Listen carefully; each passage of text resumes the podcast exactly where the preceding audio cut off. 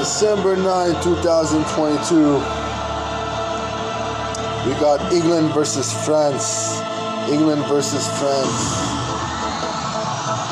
A beautiful matchup.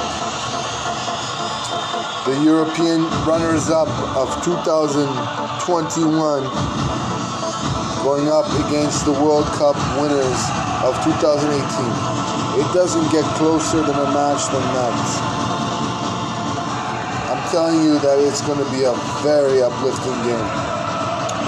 Both teams are very strong, very strong. France has shown their worth.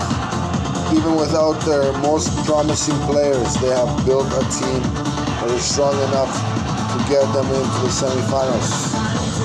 And England has performed on a level of unbelievable passion support with young players and older players as well. We see Kane, Saka, we see Bellingham, we see Foden. Beautiful team display there. It's going to be a very interesting match. Just excited for it. So excited for it. It's going to be great.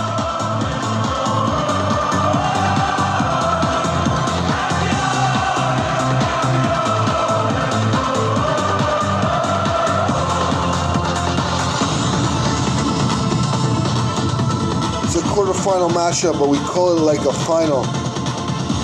It's like a final. A quarterfinal matchup with between the runner-up of the World Cup, of the European Championships, excuse me, the European Championships, and then the winner of the World Cup four years ago.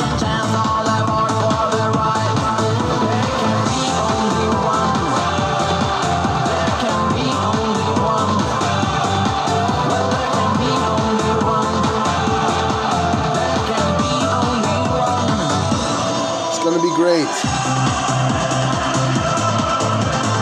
So, so, so, so great.